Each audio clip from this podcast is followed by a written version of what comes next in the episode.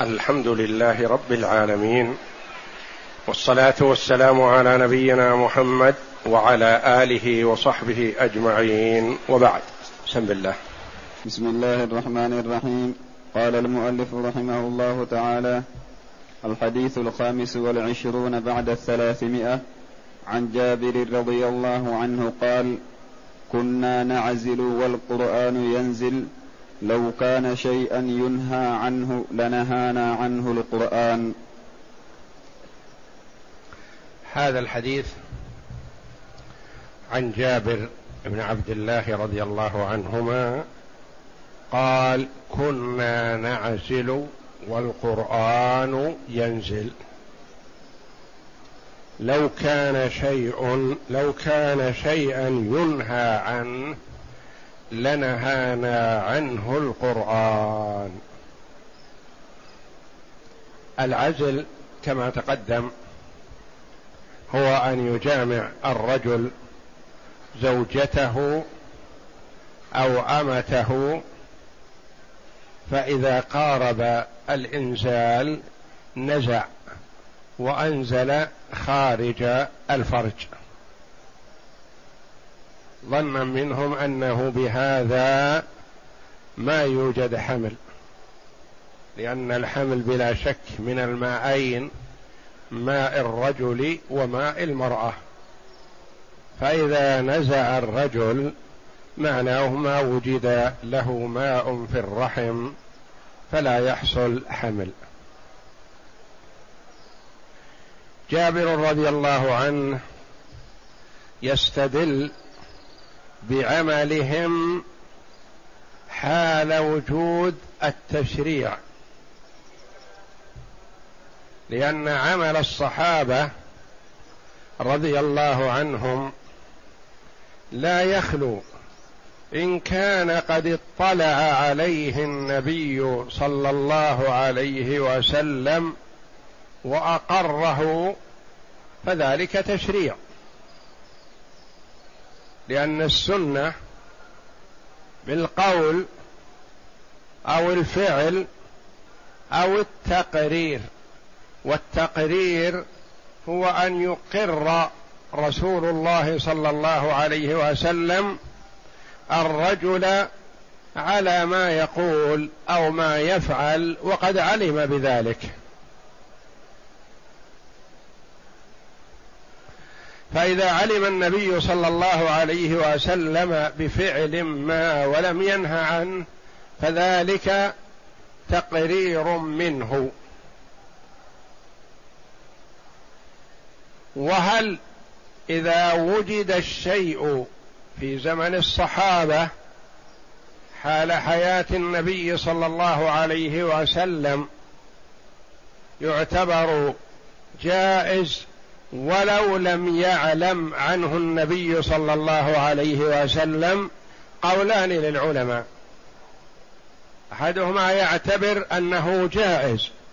ما دام فعله بعض الصحابة حتى لو لم يعلم عنه النبي صلى الله عليه وسلم لأن الله جل وعلا مطلع. لا تخفى عليه خافية. علم الله أنكم كنتم تختانون أنفسكم فتاب عليكم وعفى عنكم. فهو جل وعلا مطلع. وإذا فعل في وقت النبي صلى الله عليه وسلم شيء لا يجوز شرعا لا يقرهم الله جل وعلا عليه ينزل على رسوله صلى الله عليه وسلم أمر ذلك. فبعض العلماء يقول وجود الشيء في زمن النبي صلى الله عليه وسلم سواء اطلع عليه أو لم يطلع عليه يعتبر تقرير إقرار من الله وتشريع من الله أنه جائز. وبعضهم قال لا يلزم إلا أن يكون النبي صلى الله عليه وسلم لأن النبي صلى الله عليه وسلم لا يقر أحدا على منكر. عليه الصلاة والسلام. فكون الشيء موجود في زمن النبي ومثل هذا قد علم به النبي صلى الله عليه وسلم يعتبر جائز. يعتبر جائز. مع العلم أن العزل لا يرد شيئا أراده الله. لا يمنع من خلق نسمة أرادها الله جل وعلا. لو فعل ما فعل وجد الشيء بإذن الله. يسبق الماء أو بعضه أو قليل منه فيوجد الحمل. جاء رجل إلى النبي صلى الله عليه وسلم فقال يا رسول الله إن لي جارية وإنني أطوف عليها أحيانا. وإني أكره أن تحمل. فقال عليه الصلاة والسلام اعزل عنها. فمضى وقت ثم جاء الرجل إلى النبي صلى الله عليه وسلم فقال يا رسول الله الجارية حبلت. قال أنا محمد رسول الله. أو كما قال صلى الله عليه وسلم. يعني وإن عزلت وإن فعلت ما فعلت. إذا كان الله جل وعلا أراد وجود نسمة بينك وبينها فلا بد أن توجد. لو عزلت فالعزل لا يمنع وإنما يتخذه بعض الناس يظن أنه مانع وهو قد يكون مانع لما لم يرده الله جل وعلا.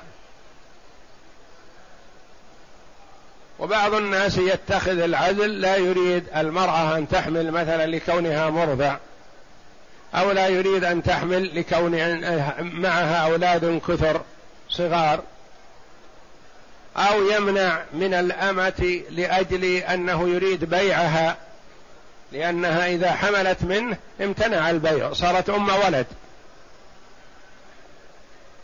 أو أنه يعزل عن المرء عن الأمة استئناف يعني أنفة من أن يكون له ولد منها يريد أن يستمتع بها ولا يريد أن يكون له ولد منها.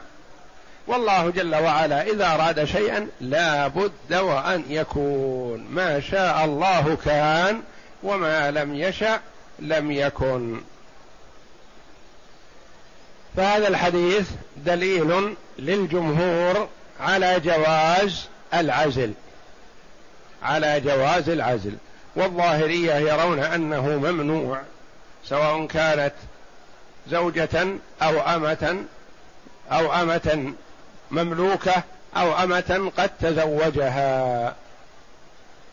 استدلالا بقوله صلى الله عليه وسلم في الحديث الآخر تلك أو ذلك الوعد الخفي. والجمهور على أنه جائز لكن لا يعزل عن الحرة إلا بإذنها لأنه يحرمها من حقها في الاستمتاع. فلا يعزل عن الحرة إلا بإذنها قالوا ولا يعزل عن الأمة إذا كانت زوجة إلا بإذن سيدها. ولا يعزل وله أن يعزل عن أمته متى شاء. نعم.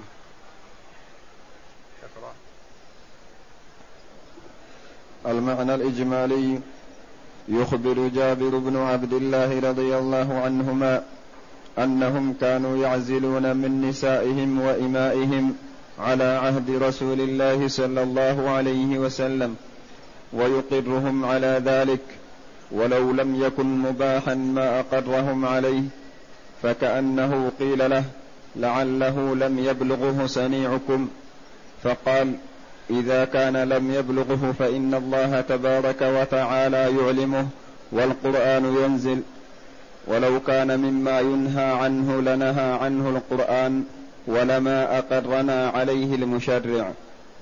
لنهى عنه القرآن يعني المراد الشرع مو بلازم أن ينزل فيه آية من الآيات وإنما يأتي للنبي صلى الله عليه وسلم بمنع أمته من كذا.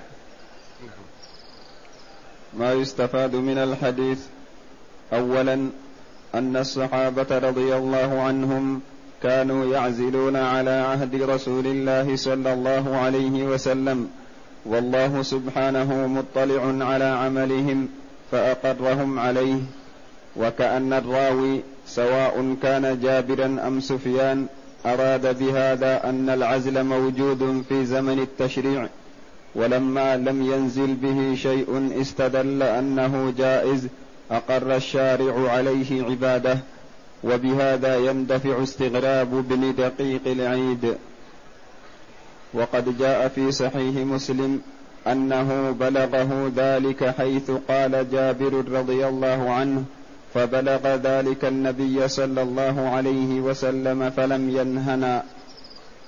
ثانيا أن العزل مباح حيث علمه صلى الله عليه وسلم وأقرهم عليه فإنه لا يقر على باطل وشرعه قوله وتقريره وسيأتي الخلاف فيه. الخلاف في جواز العزل بين العلماء رحمهم الله. ثالثا قال الصنعاني رحمه الله قوله لو كان شيئا هذا من أفراد مسلم وليس هو من قول جابر رضي الله عنه. وإن هذه زيادة في الحديث قوله لو كان شيئا ينهى عنه لنهانا عنه القرآن هذه ليست في الحديث وليست من قول جابر وإنما جاءت من أحد الرواة تفسيرا ومفهوما من قول جابر. وإنما هو من قول سفيان بن عيينة راوي الحديث عن عطاء عن جابر ولفظ مسلم لو كان شيئا ينهى عنه لنهينا عنه. تفرد به سفيان استنباطا أدرجه في الحديث ولفظ مؤلف العمدة يقتضي أنه من الحديث وليس كذلك. رابعا استغرب ابن دقيق العيد هذا التقرير المنسوب إلى جابر رضي الله عنه وهو تقرير الله وحاول الصنعاني أن يزيل هذا الاستغراب ولكنه يزول تماما إذا علمنا أنه ليس من قول جابر. اختلاف العلماء اختلف العلماء في حكم العزل فذهب الأئمة الثلاثة أبو حنيفة ومالك وأحمد رحمهم الله إلى جوازه في الزوجة الحرة بإذنها وفي الزوجة الأمة بإذن سيدها وفي الأمة بغير إذن أحد. الفرق بين الأمة وبين الزوجة الأمة. الأمة ملكه هو إن شاء عزل وإن شاء لا يعزل. والزوجة الأمة يعني إذا جاز له أن يتزوج أمة لزيد أو عم. وذلك بشرطين ألا يملك مهر حرة ولا ثمن أمه. لأن الحر لا يجوز له أن يتزوج أمه لأنه يترتب على تزوجه الأمة أن يكون أولاده أرقاء ولا يجوز له ذلك إلا بشرطين. أن لا يملك مهر حرة لأنه كان يملك مهر حرة يقال له تزوج.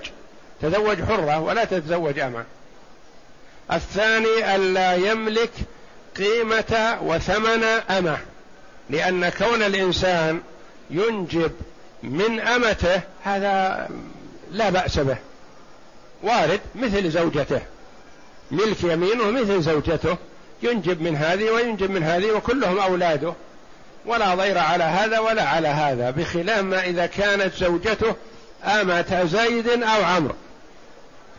فأولاده يكونون أرقة لزود وعمر ولا يجوز للمرء أن يقدم على الزواج الذي يترتب عليه أن يكون أولاده أرقة إلا إذا كان في حال ضرورة. ومن الضرورة ألا يجد مهر أمة مهر حرة ولا ثمن أمة. ويخاف على نفسه الوقوع في الحرام فنقول تزوج أمة زيد أو عمرو إذا زوجك إياها. فإذا تزوج أمة زيد أو عمرو قالوا لا يعزل عنها إلا بإذن سيدها. لأن سيدها يقول مثلا أنا ما سلمتك إياها من أجل أن تستمتع بها فقط أنا أعطيتك إياها من أجل أن تنجب أولاد يكونون أرقة لي. فهي وسيلة إنجاب فأنا أريد هذا الإنجاب. فإذا أذن سيدها فبها وإلا يجب عليه ألا يعزل أو يفارقها. نعم. واستدلوا على جوازه. بهذين الحديثين المتقدمين وغير حديث أبي سعيد الخدري وحديث جابر رضي الله عنهم. نعم. وغيرهما من الأحاديث الصحيحة الصريحة. الصريحة بالجواز أنه ما فيه نهي. نعم. واستدلوا على تقييده بإذن الحرة بحديث أبي هريرة رضي الله عنه أنه قال قال رسول الله صلى الله عليه وسلم لا يعزل عن الحرة إلا بإذنها. لأنها لها حق في الاستمتاع فإذا عزل عنها قبل أن تستكمل لذتها معنى حرمها منها فلا يجوز له إلا بموافقتها بأن يكون لها رغبة في هذا لئلا تحمل. نعم. قال أبو داود سمعت الإمام أحمد ذكر هذا الحديث فما أنكره. وذهب الشافعي رحمه الله إلى جواز العزل مطلقا في الحرة والأمة ورويت الرخصة عن عشرة من الصحابة رضي الله عنهم. الإمام الشافعي رحمه الله خالف الأئمة الثلاثة. الأئمة الثلاثة أجازوه بشروط بشرط الإذن. الإمام الشافعي رحمه الله قال لا هذا من حق الرجل إن شاء عزل وإن شاء لا يعزل ولا يستأذن فيه لا الحرة ولا سيد الأمة. والظاهرية على خلاف قول الشافعي الشافعي. يقول يجوز مطلقا الظاهرية يقولون لا يجوز مطلقا الأئمة الثلاثة توسطوا. قالوا يجوز بإذن الحرة وسيد الأمة.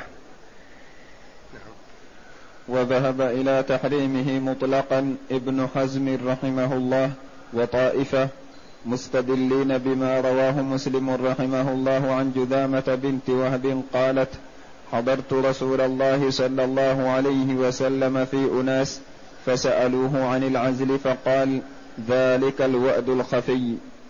وجعلوا هذا الحديث ناسخا لأحاديث الإباحة التي هي على وفق البراءة الأصلية.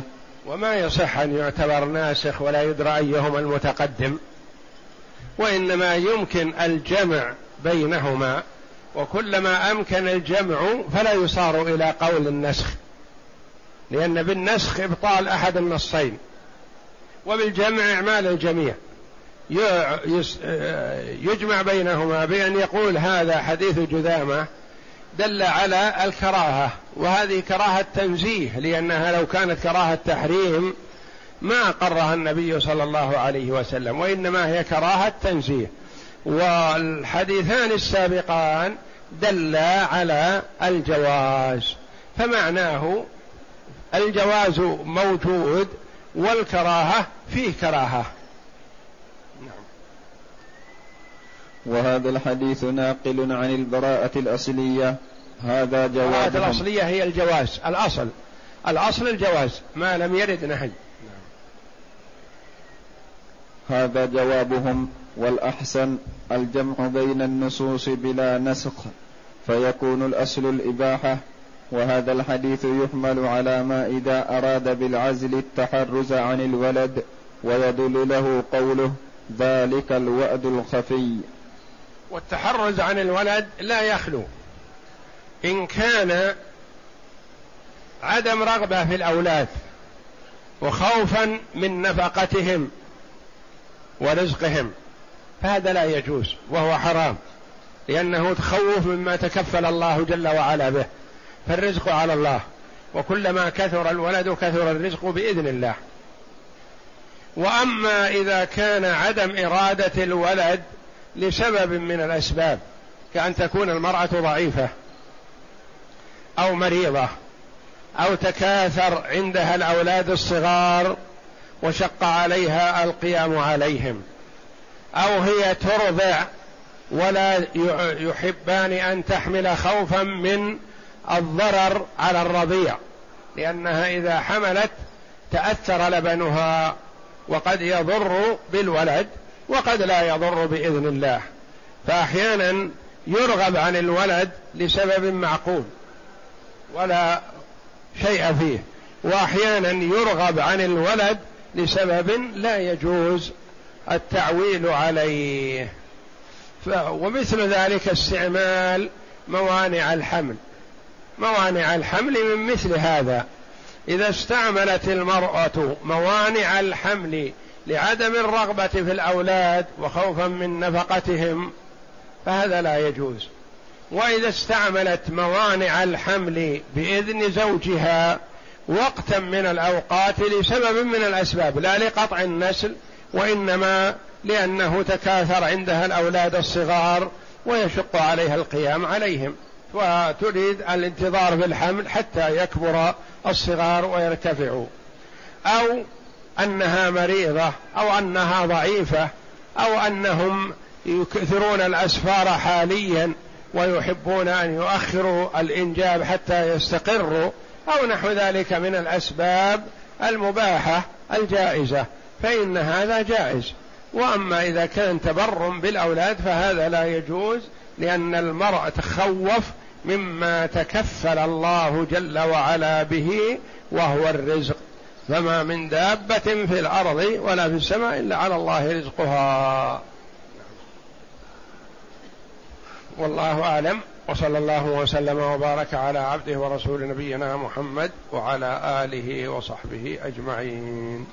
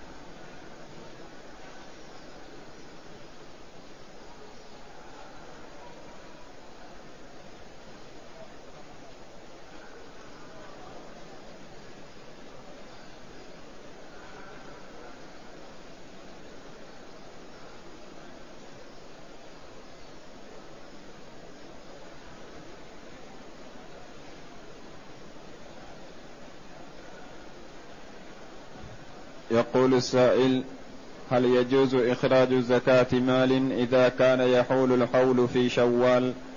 هل يجوز أن ي... له أن يخرجه في خمسة عشر شعبان علما بأنه عليه ديون؟ أما تعجيل الزكاة فللعلماء فيها قولان. يرى الكثير من العلماء جواز إخراج الزكاة قبل محلها قبل وقتها قبل تمام الحول. واستدلوا بأن النبي صلى الله عليه وسلم أخذ من العباس بن عبد المطلب رضي الله عنه زكاة حولين أو أكثر.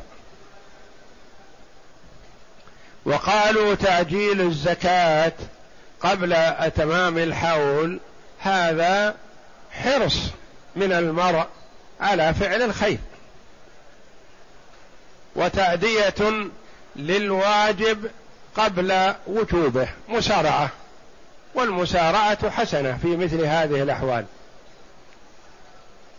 القول الثاني قالوا لا يجوز إخراج الزكاة قبل وقتها. نقول لما يرحمكم الله؟ قالوا الزكاة مثل الصلاة. لو صلى قبل الظهر صلاة الظهر ما صحت. لو صلى صلاة المغرب قبل غروب الشمس ما صحت. نقول نحن معكم في هذا لكن شتان بين هذا وهذا. هذه الزكاة يخرجها قبل محلها استعجال. في استخراج الواجب يعطي من ماله يعطي من نفسه علما بأنها قد تجب عليه وقد لا تجب. قد تسقط بتلف المال قد تسقط بموته مثلا. فهو تعجل هذا الشيء الواجب وأداه قبل وقت حلوله وأعطى من نفسه.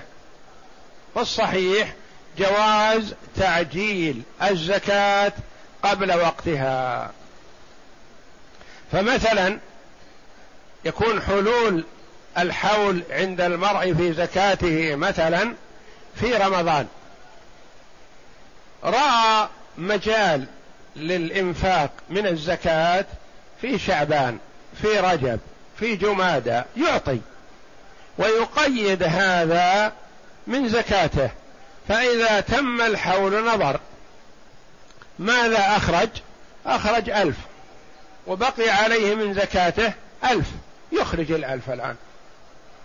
ولعل هذا أولى وفيه تعجيل للعطاء وفيه توسعة للمحتاج.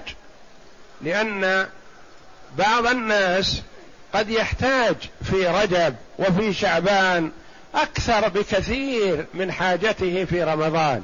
لأن رمضان والحمد لله تكثر الصدقات. ويوسع الله جل وعلا على الفقراء.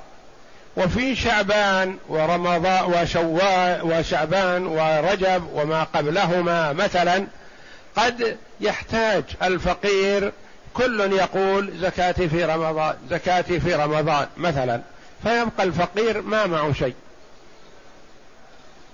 فلذا ينبغي يعني بل يستحب أن ينظر الإنسان في وقت الحاجة يجعل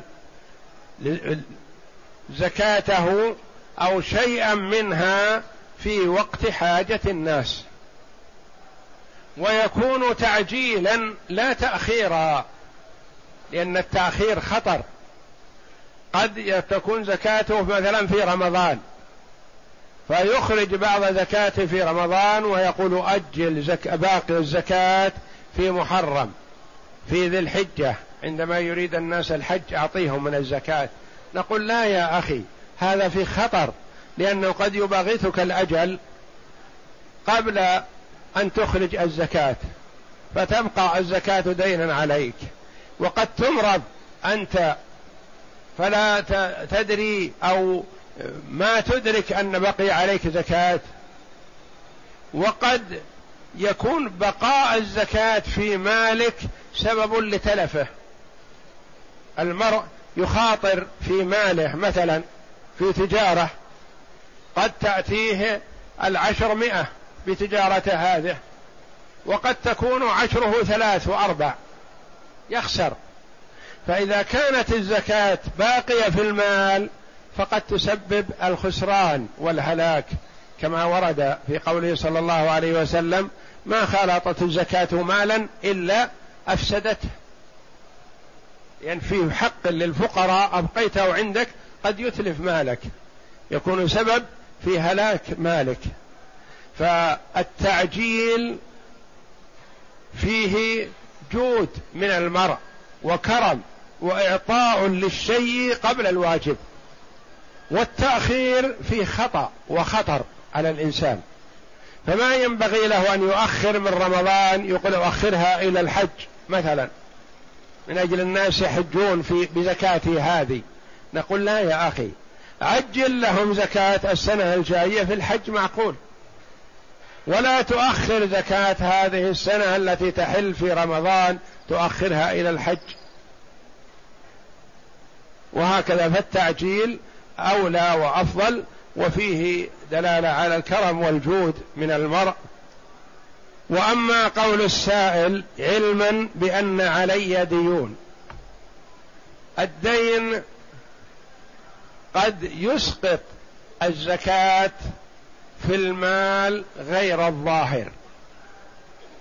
قال الفقهاء رحمهم الله المال نوعان مال ظاهر ومال غير ظاهر. المال الظاهر مثل الحبوب والثمار. بساتين يطلع الفقراء على بستانك هذا ويرون ما فيه. الفقراء يطلعون على إبلك وغنمك ولهم حق فيها وتتعلق أنظارهم فيها. قالوا الدين لا يسقط زكاة المال الظاهر. أما المال غير الظاهر مثل دراهم أنت مقفل عليها بالصندوق ما يدرى عنها. ذهب أو فضة. قالوا هذا الدين يسقط بمقداره من الزكاة. فإذا كان عندك مثلا ألف ريال وأنت مطالب بخمسمائة ريال فلا يجب عليك زكاة إلا زكاة خمسمائة ريال. لأنها هي التي لك وأما الخمسة الأخرى فأنت مطالب بها. وبراءة الذمة والأسلم والأفضل للإنسان أن ينظر ما عنده ويزكيه. والصدقة ما تنقص المال وإنما تزده تزده. كما قال عليه الصلاة والسلام ما نقص مال من صدقة بل تزده بل تزده. فبالصدقة ينمو المال ويبارك الله جل وعلا فيه ويحفظه من العاهات والآفات والسرقات والهلاك والهدم والغرق. حفظ له. ولهذا سميت زكاة. زكاة لأنه بها يزكو المال يزيد. فالصدقة وإن كثرت ما تنقص المال كما هو معروف من حال الصحابة رضي الله عنهم. كان المرء يبذل الكثير من الزكاة ثم يعود إليه أكثر. يبذل ويعود إليه أكثر بفضل الله جل وعلا ثم رد وتصديق لوعد النبي صلى الله عليه وسلم ما نقص مال من صدقة ما بل تزده بل تزده. يقول متى يدخل وقت الإشراق ومتى ينتهي؟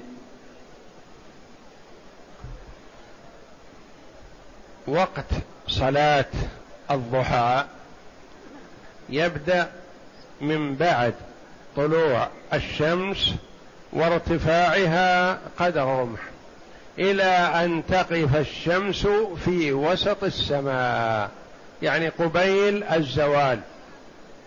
قبيل وقت صلاة الظهر. متى تحل الصلاة؟ قدر رمح بماذا يقدر قدر الرمح؟ قالوا من عشر دقائق إلى اثنى عشر دقيقة. انظر الشروق مثلا طلوع الشمس مثلا ست وربع مثلا انتظر ربع ساعة وصل صلاة الضحى. ارتفعت الشمس تكون قدر رمح ومتى ينتهي؟ ينتهي عند الزوال. وقت قليل لحظة قليلة خفيفة جدا تستقر الشمس في وسط السماء ثم تزول إلى جهة المغرب. وقت الزوال وقت يسير جدا.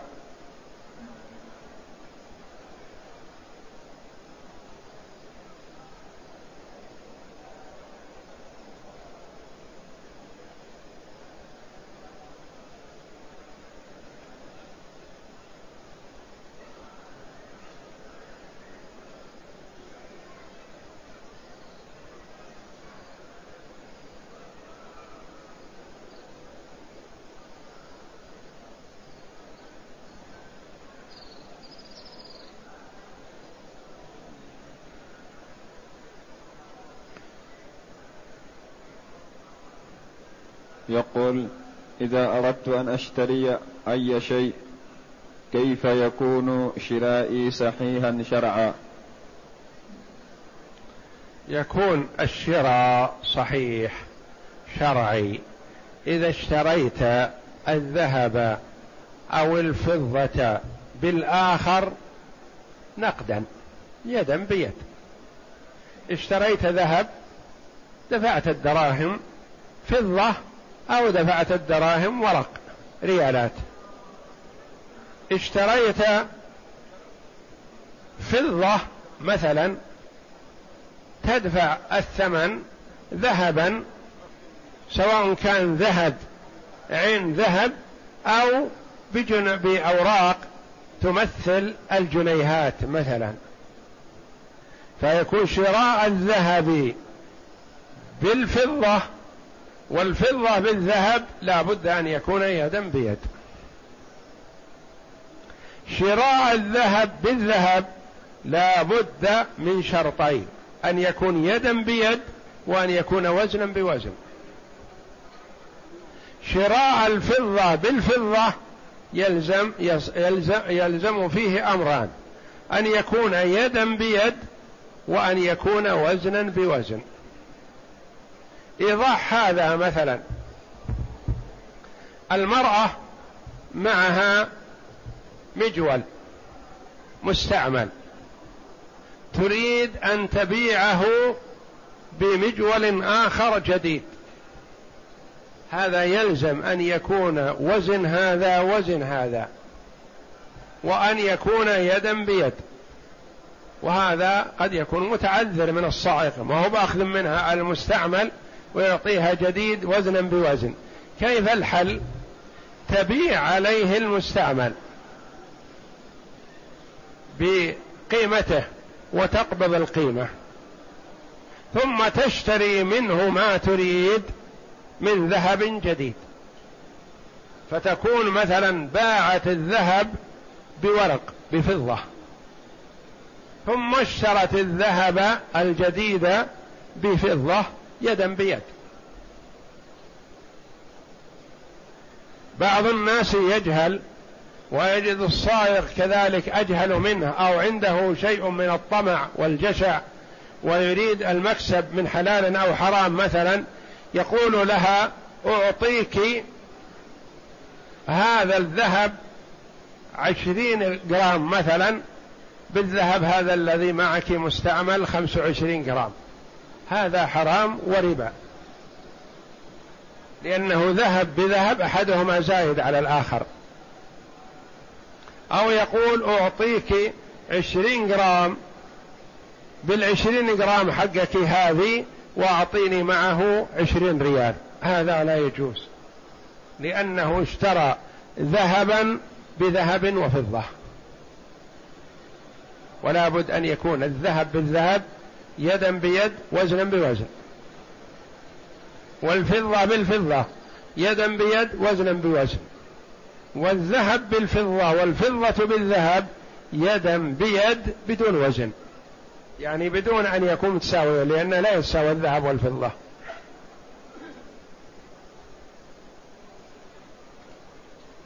فليحذر المرء البيع والشراء المحرم. فالله جل وعلا تعبدنا بالبيع والشراء الصحيح مثل ما تعبدنا سبحانه بالصلاة والصيام والزكاة والحج. لا يجوز للمسلم أن يبيع ويشتري بيعا غير صحيح. ورد أن عمر بن الخطاب رضي الله عنه كان يدخل السوق فيسأل الباعة عن احكام البيع والشراء اللي هم يتعاملون فيه. فمن وجده لا يحسن ولا يعرف ضربه بالدرة وأخرجه من السوق. قال لا تفسدوا علينا أسواقنا.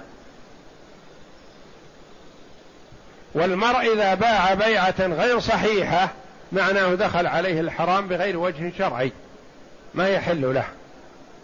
وإن الرجل لا يقذف في جوفه اللقمة من الحرام لا تقبل له الصلاة أربعين يوما أو كما ورد عنه صلى الله عليه وسلم. فأكل الحرام في البيع أو الشراء أو الاحتيال أو الخداع أو نحو ذلك يسبب عدم قبول الصلاة والعياذ بالله. ويلزم من هذا عدم قبول دعاء المرء. يحرم من إجابة الدعاء باللقمة يأكلها من الحرام. أو بالدراهم يستدخلها يعني ما يلزم أن يكون أكل.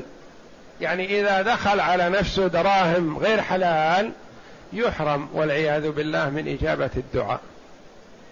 سعد رضي الله عنه قال للنبي صلى الله عليه وسلم ادعو الله أن يجعلني مستجاب الدعوة. فقال له النبي صلى الله عليه وسلم كلمة عظيمة له ولسائر الأمة.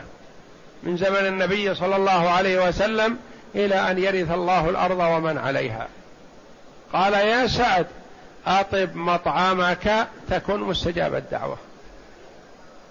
أطب مطعمك يعني لا تأكل إلا شيء طيب؟ لا. لا تأكل إلا حلال. لا تأكل إلا حلال. أطب مطعمك يكون طعامك حلال. ورد إليك من طريق حلال. تكون مستجاب الدعوة. أما إذا أكلت من حلال وحرام حرمت من إجابة الدعاء. وهذه فائدة عظيمة منه صلى الله عليه وسلم للأمة قاطبة. السائل سعد رضي الله عنه. أعطاه الجواب عليه الصلاة والسلام له وللأمة قاطبة. لأنه عليه الصلاة والسلام أعطي جوامع الكلم يتكلم بالكلام اليسير المشتمل على معنى عظيم. صالح لأول الزمان ووسطه وآخره. أطب مطعمك تكن مستجاب الدعوة.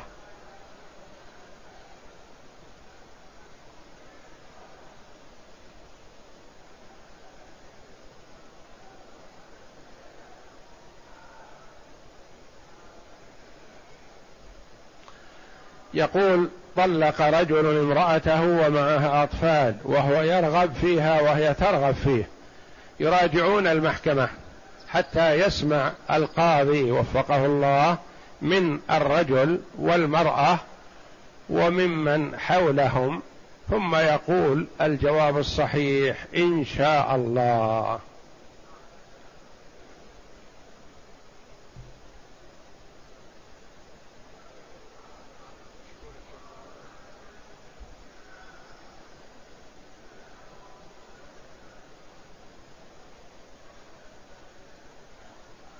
يقول بعد أن طفت سبعة أشواط وختمت بالسعي. تذكرت الحجر الأسود في النهاية فما الحكم؟ يعني أنه ما قبل الحجر الأسود. نقول عمرتك صحيحة وتقبيل الحجر الأسود سنة لمن تيسر له ولا ينبغي للمرء أن يزاحم عليه. ولا أن يؤذي من أجل تقبيل الحجر الأسود. وإنما إن تيسر فبها وإلا يشير إليه ويكبر. فإن لم يشر إليه ولم يكبر فلا بأس عليه. طوافه صحيح. المهم أن يبدأ الطواف بمحاذاة الحجر الأسود وينتهي الشوط السابع بمحاذاة الحجر الأسود.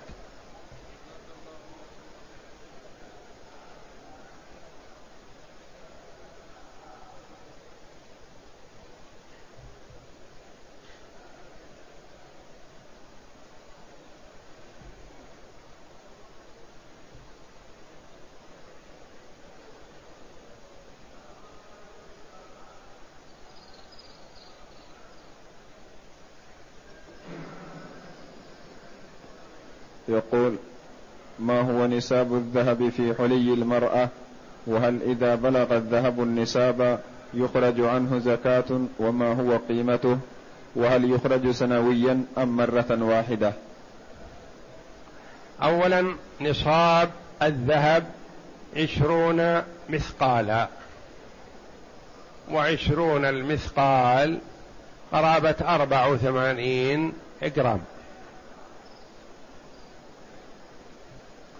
ثم حلي المرأة. هل فيه زكاة أو لا؟ فيه قولان للعلماء رحمهم الله. أحدهما يقول يجب تجب الزكاة في حلي المرأة لأنه ذهب أو فضة نصاب. والله جل وعلا توعد من اتخذ الذهب أو الفضة ولم يؤدي زكاته. فهو مشمول بأحاديث الوعيد في من لم يؤدي الزكاة. وورد أحاديث أخر بخاصية حلي المرأة أنها تجب فيه. آخرون من العلماء قالوا ما تجب الزكاة في حلي المرأة. قالوا حلي المرأة من مثل المتاع مثل مشلح الرجل وثياب الرجل ودابة الرجل وفراش الرجل في بيته وعمله. وهذا والله أعلم قياس مع الفارق لأن الذهب والفضة ورد بخصوصه. والذهب والفضة ليس كالأمتعة. الأمتعة الأخرى المشلح مثلا تشتريه بألف ريال إذا لبسته عشرة أيام أو خمسة أيام أو أقل أو أكثر وأردت أن تبيعه ما أجاب ما أتى لك إلا بنصف قيمته تقريبا أو أقل. بخلاف الذهب والفضة فهو عبارة رصيد تشتريه اليوم هو بقيمته. إن ارتفعت قيمة الذهب ارتفع قد تشتريه جديد بعشرين فبعد سنوات يساوي مئة وأنت تستعمله. فالذهب والفضة يحتفظ بقيمته وقد يتخذ وسيلة للكنز والاحتفاظ بالشيء يقول هذا حلي. وكما هو الحال والواقع اليوم كثير من النساء عندها ذهب بقيمته بالآلاف. والفقراء لهم حق في الذهب والفضة المحفوظ عند الرجل أو المرأة. فالأبرأ للذمة والأسلم والأحوط أن يؤدي أن تؤدي المرأة زكاة حليها. وتأدية الزكاة في الحلي وفي غيره تكون سنوية. ما فيه مثلا يخرج زكاته في سنة فقط ثم لا ليس فيه زكاة. هذا إلا في مثل الحبوب والثمار. إذا جناها من مزرعته يزكيها ثم إذا ادخرها للأكل منها ما تجب فيها الزكاة في السنة الجاية واللي بعده إذا كانت موجودة. الذهب يؤدي إذا أدى زكاته هذه السنة يؤدي زكاته في السنة الثانية وهكذا. ثم إن الزكاة كما تقدم طهرة للمال وحفظ له ووقاية له عن السرقة وعن الاختلاس وعن الضياع وعن التلف وعن أمور كثيرة فهي تحفظ المال بإذن الله. فقد يدخر المرء الحلي رجلا كان أو امرأة مثلا يحفظه ولا يؤدي زكاته فقد يسلط الله عليه من يأخذه كله. ما يبقى بيده شيء. فإذا أدى زكاته حفظ. وهذا شيء محسوس. ويدرك المال الذي تزدى زكاته سواء مال تجارة أو ذهب أو فضة أو مواشي تجدها محفوظة بإذن الله وربحها عظيم. ولو ذهب منها شيء عاد بإذن الله. أما الذي لا تؤدى زكاته فهو عرضة للضياع والاختلاس والتلف والسرقة وغير ذلك. فإخراج الزكاة أولى وأبرأ للذمة وأسلم. ولا أحد يقول لمن أخرج زكاة الحلي إنك أخطأت. لا يقول أنت ماجور. كل مسلم. بينما إذا لم تؤدي المرأة زكاة حليها كثير كثير من العلماء يقول أخطأت.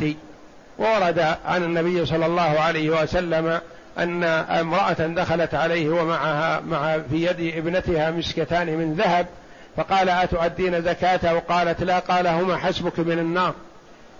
يعني يكفيك عذابهما من النار بهذا الحلي الذي معك لا تؤدين زكاته. فالسلامة في إخراج الزكاة.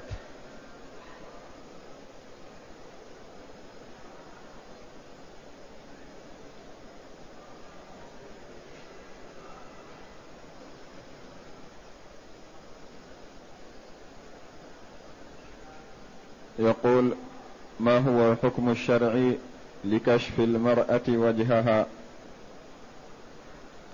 ما يجوز. للمرأة المسلمة أن تكشف وجهها أمام الرجال الأجانب. لا في حال الإحرام ولا في غير الإحرام. في حال الإحرام إذا لم يكن عندها رجال أجانب فلا تغطي وجهها. إذا كان عندها رجال أجانب فتغطي وجهها وإن كانت محرمة. تقول عائشة رضي الله عنها كنا مع النبي صلى الله عليه وسلم محرمات فإذا حاذوا بنا الرجال الرحال سدلت إحدانا جلبابها على وجهها فإذا جاوزونا كشفناه والوجه عورة. والوجه هو محط الجمال ومحط أنظار الرجال وتتبعهم لنظر الوجه. وتوصف المرأة بأنها جميلة بوجهها وتوصف المرأة بأنها قبيحة وذميمة وكريهة بوجهها. فهو واجب التغطية والمرأة الحرة المسلمة كلها عورة. في الصلاة إلا الوجه وخارج الصلاة كلها عورة. فلا يجوز لها أن تخرج شيئا من بدنها أمام الرجال الأجانب. فعلى المسلم أن تتقي الله جل وعلا في هذا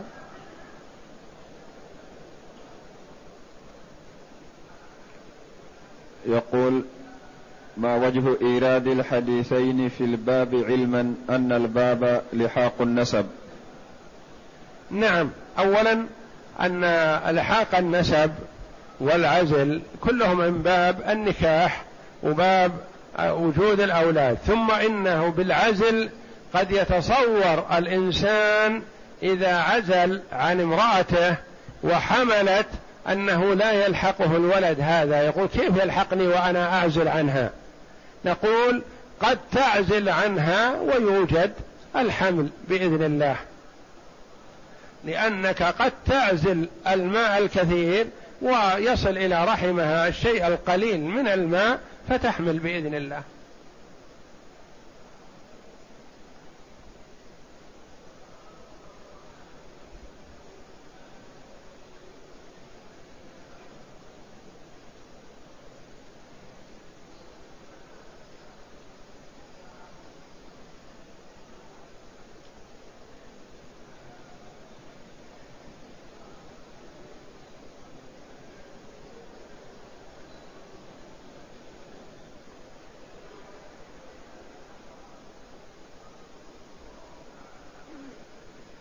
يقول هل إذا نويت العمرة بعد استقراري في مكة بأسبوع أو أسبوعين واغتسلت في مكان سكني وأحرمت ولم أنوي وذهبت إلى نهاية حدود الحرم ثم نويت وأحرمت بالعمرة هل عملي صحيح؟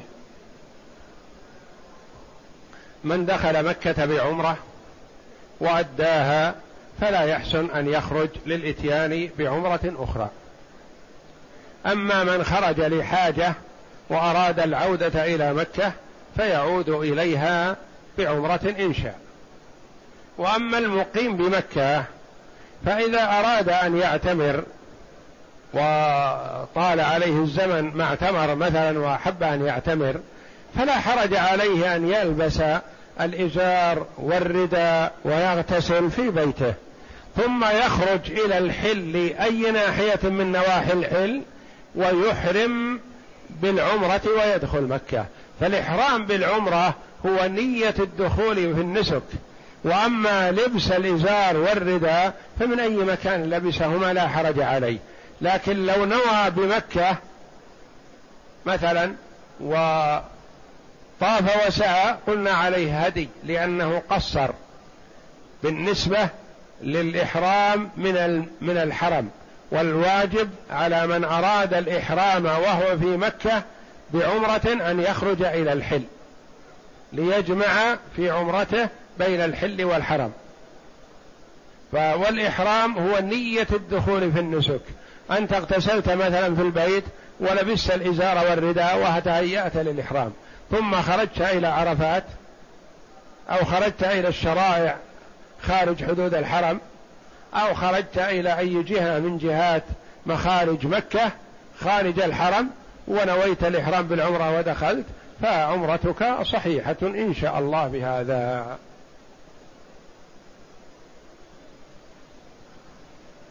وهذا يقول اعتمرت عن أبي وأريد أن أعتمر عن أمي وهي الآن في المستشفى.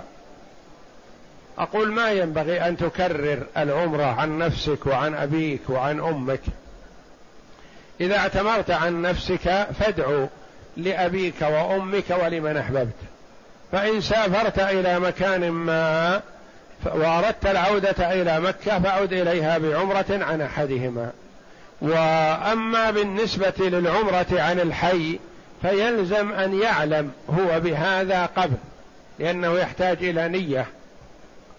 ويلزم أن يكون غير قادر للوصول إلى مكة. أما أن تحرم عن شخص لم يعلم وهو موجود فما يجوز. أو تحرم عن شخص يقدر على الوصول إلى مكة فلا فلم يرد هذا لأن الوارد في الذين استأذنوا النبي صلى الله عليه وسلم وسألوه أفادوا بأن الأب والأم لا يستطيعون الركوب ولا الظعن ولا الارتحال فأذن لهم النبي صلى الله عليه وسلم في أن يحجوا عن آبائهم وأمهاتهم.